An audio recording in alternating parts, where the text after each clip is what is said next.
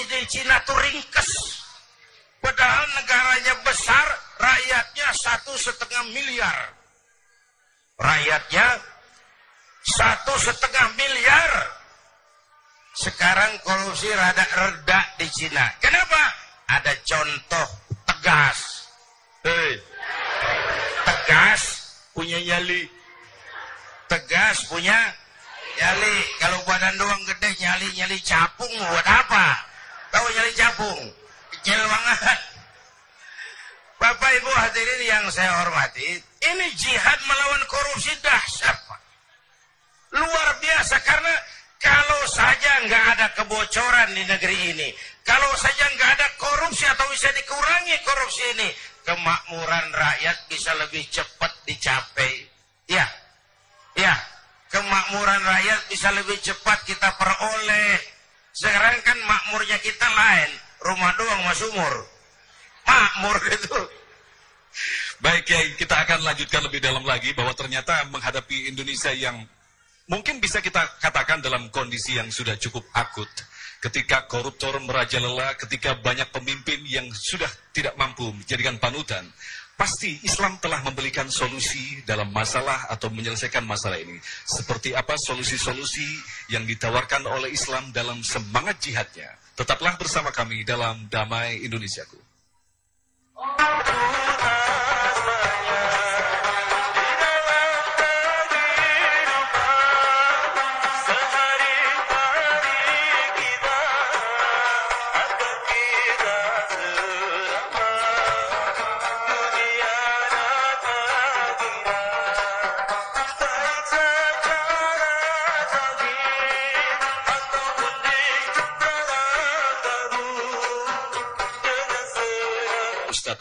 Aminuddin dan tadi Kiai pada segmen yang ketiga tadi telah memaparkan sedikit banyak tentang semangat mujahid itu seperti apa. Sebenarnya Allah telah mengatur skenario yang sangat luar biasa.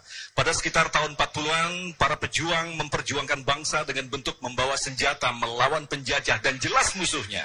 Dan sekarang ini pemimpin kita menghadapi musuh-musuh yang tidak jelas atau bahkan dikatakan musuh dalam selimut. Ini memang sesuatu yang sangat berat sekali. Tentu saja sebagai seorang ulama, Kiai punya banyak masukan-masukan atau kritikan-kritikan. Sebaiknya setelah kita menghadapi kondisi bangsa Indonesia seperti ini, lantas apa yang harus kita lakukan, Kiai? Silakan. Bapak Ibu dan pemirsa TV One masih soal jihad memberantas korupsi. Ini yang paling penting dulu. Sebab kalau korupsi berhasil kita atasi, saya yakin sekali tingkat kemakmuran rakyat akan lebih cepat kita peroleh. Akan lebih cepat kita peroleh. Pemerataan akan lebih mudah kita wujudkan. Karena ini kan negara demokrasi, katanya dari rakyat, oleh rakyat, untuk rakyat. Untuk membangun negara ini kan uangnya kan uang rakyat kan? Iya kan? Iya kan?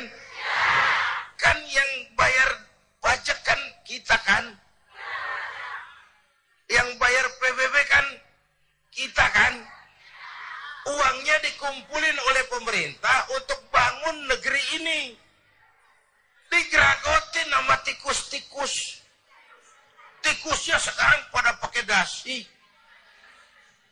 Ngantornya di mana-mana. Ini jihad yang sangat besar menurut saya. Bapak Ibu hadirin yang saya hormati, tanpa memberantas korupsi, membiarkan korupsi berjalan, sama aja kalau orang Bekasi bilang nimbak kagak dibendung. Bagaimana mau kering kalau nimbak nggak dibendung itu? Maka korupsi, dulu korupsi katanya di bawah meja, sopan malu-malu. Kemudian maju korupsi di atas meja, terang-terangan. Sekarang meja-mejanya dikorupsi. Bukan lagi atas meja bawah meja, meja-mejanya disikat sekalian. Dan celakanya di mana-mana tuh tukang sunat merajalela. Tukang sunat turun ke bawah sunatin, turun lagi sunatin, turun lagi sunatin, nyampe ke rakyat ujungnya doang dikit banget. Kebanyakan tukang sunat.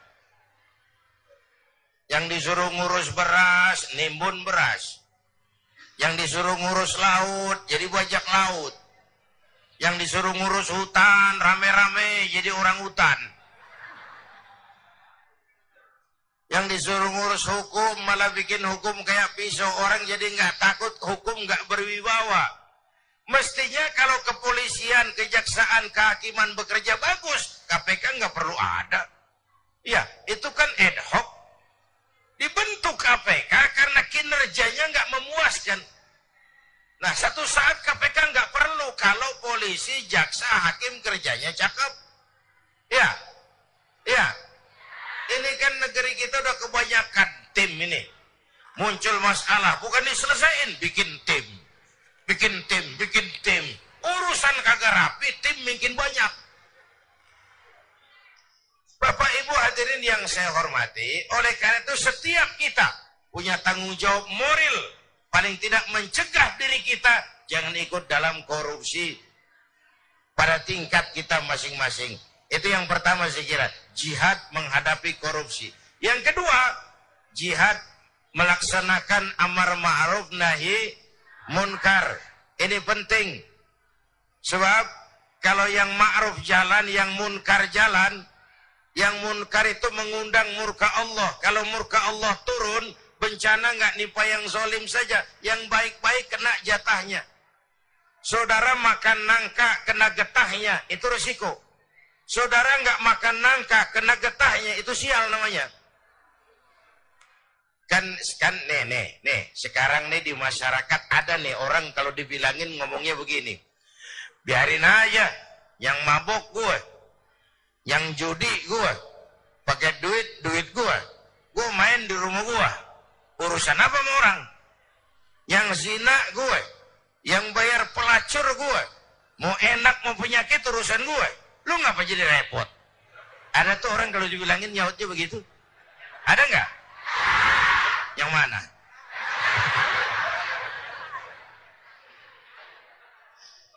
Saya kasih contoh lagi yang enak. Ini tengah hari panas begini, makan jambu air enak nggak? Nah, naik ke pohon jambu. Sampai sama tengah pohon, semut api gigit. Gatel, panas. Kita tengok, gile banyak juga lagi semutnya nih. Turun kita ke bawah, pulang ke rumah. Ngapain? Ambil obor. Sundut obor, obor menyala, balik lagi pohon jambu, sepohonan tuh semut kita bakar. Yang gigit atau yang gigit tuh semut-semut lain kalau bisa protes ngomong tuh yang gigit lu temen gua gua nggak ngikut gua. Tapi kita nggak peduli. Mau gigit apa enggak asal semut bakar. Gara-gara atung gigit sepunan dibakar tuh semut. Masyarakat begitu pak. Iya yang judi lo. Yang zina lo. Yang mabuk lo. Tapi judi zina mabuk maksiat mas. Kalau ini negeri banyak maksiatnya Allah marah kalau Allah marah turun gempa. Kalau turun gempa yang mampus bukan lu doang moyong. Bareng rame-rame. Iya. Iya. Enak kalau gempanya milik kiai. Mohon minggir ya mau gempa nih. Aduh sopan bener itu gempa. Itu perlunya amar ma'ruf nahi munkar. Karena bencana kalau datang tidak hanya menimpa orang yang zalim yang baik-baik akan kena juga jatahnya Bapak Ibu hadirin yang saya hormati, nah pelaksanaannya memang amar ma'ruf lebih gampang daripada nahi munkar. Orang kalau diajak sholat paling kagak mau gitu doang dah, kagak marah, kagak ngomel. Tapi kalau dilarang mabuk, berkelahi. Diajak dilarang berjudi, dilarang berzina, bisa berkelahi. Tapi dua-duanya harus dilaksanakan. Itulah sebabnya ini jihad. Beramar ma'ruf apalagi bernahi munkar itu merupakan jihad yang harus kita laksanakan. Kedua-duanya nggak boleh pisah kalau yang ma'ruf jalan yang munkar juga jalan ya seimbang dong. Nah yang rugi yang celaka sekarang nih bu. Bu kalau ukuran ma'ruf munkar masih jatah kayak zaman kita nih masih enak satu saat mana yang ma'ruf, mana yang munkar jadi remeng. Ya. Ini zaman-zaman apa sih katanya zaman orang pada pinter bikin bungkusan entertain ya orang pada pinter bikin bungkusan yang ma'ruf kelihatan munkar yang munkar kelihatan ma'ruf. Ayo udah ngalamin belum saat begitu? Eh yang jujur dimusuhin nah, udah kejadian kan? Yang laporan anak pada nyontek tuh dimusuhin yang jujur. Itu kan yang ma'ruf jadi munkar yang munkar jadi ma'ruf. Terbalik nilai masyarakat kita. Ini menyedihkan. Ini memprihatinkan. Ini musibah kalau yang ma'ruf jadi munkar yang munkar jadi ma'ruf mau apa lagi kita Masya Allah. Jangan sampai kita berharap ini Kiai, seperti yang Kiai katakan tadi, jangan sampai azab ini menimpa negara kita. Karena jujur saja bahwa negara kita ini masih terus membutuhkan petunjuk-petunjuk, kemudian jalan-jalan keluar, dan itulah fungsinya dari ulama. Sekali lagi, saling memberikan mengingatkan kepada Anda. Tentunya para pemimpin, cuman dibutuhkan kejujuran di sini. Apakah kita mau diingatkan dengan agama itu? Nah, pemirsa kita akan lebih bahas, membahas uh, lebih dalam lagi tentang materi kita, menanamkan sifat jihad dalam diri bangsa ini tentunya setelah pesan-pesan berikut, tetaplah dalam Demi Indonesiaku.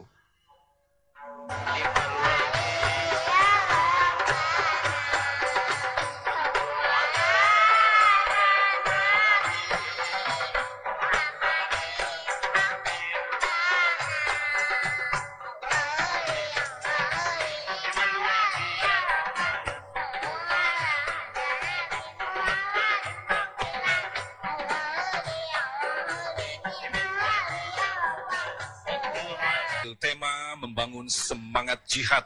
Tentunya dalam membangun negara ini kita diperlukan semangat jihad. Jihad adalah sebuah perjuangan yang maksimal untuk meraih ridha Allah. Tentu saja kita tidak bisa saja meminjam kata-kata jihad karena memiliki konsekuensi yang luar biasa. Jihad adalah berani dan sekaligus memiliki resiko yaitu berani mengambil resiko. Berani mengambil resiko artinya ketika kita memimpin, pada saat kita melakukan kesalahan, kita berani mengambil resiko untuk diturunkan dari kekuasaan itu. Lantas ketika kita kembalikan pada kondisi bangsa kita kali ini, benarkah pemimpin-pemimpin kita yang saat itu kita pilih dan kita berikan beban untuk membuat negara ini lebih bagus lagi adalah sosok pemimpin-pemimpin yang berani mengambil resiko. Kembali Kiai akan menjelaskan kepada kita tentang masalah jihad yang sekaligus dicontohkan oleh Rasulullah pada masa-masa peperangan. Silakan Kiai. Bapak, Ibu, dan pemirsa TV One, masih pada jihad yang ketiga, yaitu jihad melawan kemiskinan dan kebodohan. Ini Rasulullah mengajarkan salahu ummati bil ilmi wal mal. Umatku hanya bisa menjadi baik dengan ilmu dan harta. Artinya dengan pendidikan dan ekonomi. Maka menghadapi kemiskinan dan kebodohan juga harus dengan melaksanakan semangat jihad. Nah, tiga jihad ini pasti ada resikonya. Tidak ada perbuatan yang tanpa resiko. Tidak ada perbuatan tanpa resiko. Mau jadi pohon tinggi, harus berani ketiup angin. Iya. Iya. Takut angin, jangan jadi pohon tinggi. Jadi rumput. Enggak ditiup angin, cuman diinjak kebo. Enggak ada perbuatan tanpa resiko. Makin tinggi nilai kepemimpinan, makin tinggi resikonya. Karena itu pemimpin bukan hanya punya konsep, tapi harus berani resiko. Konsep bagus tapi nggak punya resiko, nggak berani ngadepin resiko, ya jalan di tempat pak. Nyanyi di gurun pasir, kedengarannya doang merdu, kenyataannya kagak ada. Eh, eh. Konsep bagus tapi nggak berani resiko nyanyi di gurun pasir. Merdu tapi nggak ada yang dengerin. Nggak ada hasilnya. Kalau ngambil contoh dari baginda Rasulullah Shallallahu Alaihi Wasallam, beliau itu pertama sejak kecil ditempa oleh kesulitan. Lahir ke dunia nggak sempat lihat bapak. Umur enam tahun ditinggal emak umur 9 tahun ngangon kambing, remajanya nggak dikolokin. Dari sini lahir jiwa prajurit. Tegar, tahan banting, nggak cengeng, berani resiko. Berani ngadepin resiko. Padahal jihadnya mulai-mulai teror mental. Teror mental. Gagal teror mental, teror fisik. Muhammad jangan macam-macam kamu mau apa? Kami ngerti Bani Hashim tidak bisnis mau kaya. Ngomong. Mau jabatan tinggi. Jadi apa? Ngomong. Nggak usah ikut pilkada. Ngomong.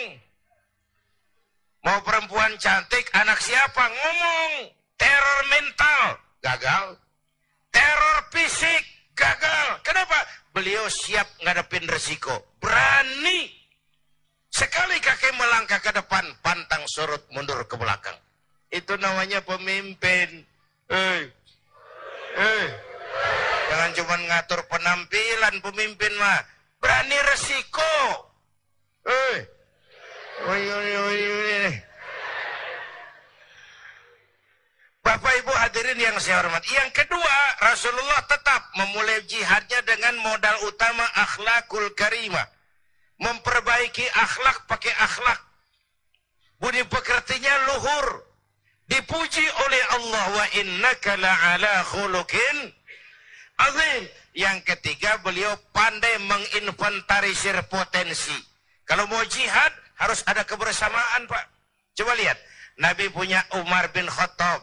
Nabi punya Abu Bakar. Nabi punya Ali. Nabi punya Utsman. Ada penyandang dana kayak Utsman ada jenderal kayak Umar, ada orang tua bijak kayak Adi Umar, apa, Abu Bakar Siddiq, ada anak muda intelek kayak Ali bin Abi Thalib, ada wanita budiman kayak Khadijah.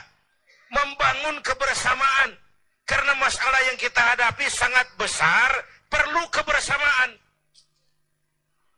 Dulu pun waktu merdeka kita mikir-mikir coba jenderal mana mau taruhan bambu runcing merdeka ngelawan tank ya ya bambu runcing merdeka ngelawan meriam. Iya kalau meriam belina meriam itu mau gue juga bisa ngelawan. Nih meriam Belanda menurut otak impossible tidak mungkin mana bisa. Entoh nyatanya kita merdeka. Bapak Ibu ini menarik untuk dikaji. Orang-orang ketua kita dulu punya komitmen. Komitmennya sederhana. Merdeka atau mati. Merdeka atau mati. Sekarang komitmen nggak jelas, Pak. Nggak jelas apa komitmennya. Seakan-akan jabatan kesempatan untuk jadi kaya. Hmm, Apalagi akibat koalisi sekarang ini semua juga buat kepentingan-kepentingan partai-partai politik.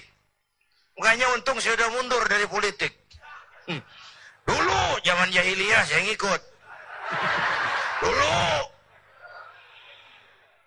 Bapak Ibu hadirin yang saya hormati, oleh karenanya dalam jihad di, ini, di negara kita ini perlu semangat kebersamaan Nggak bisa parsial karena masalahnya sangat kompleks. Masalahnya sangat kompleks. Semua kita dengan bidang dan kemampuan kita masing-masing melaksanakan yang namanya jihad. Menghadapi kemiskinan, menghadapi keterbelakangan, menghadapi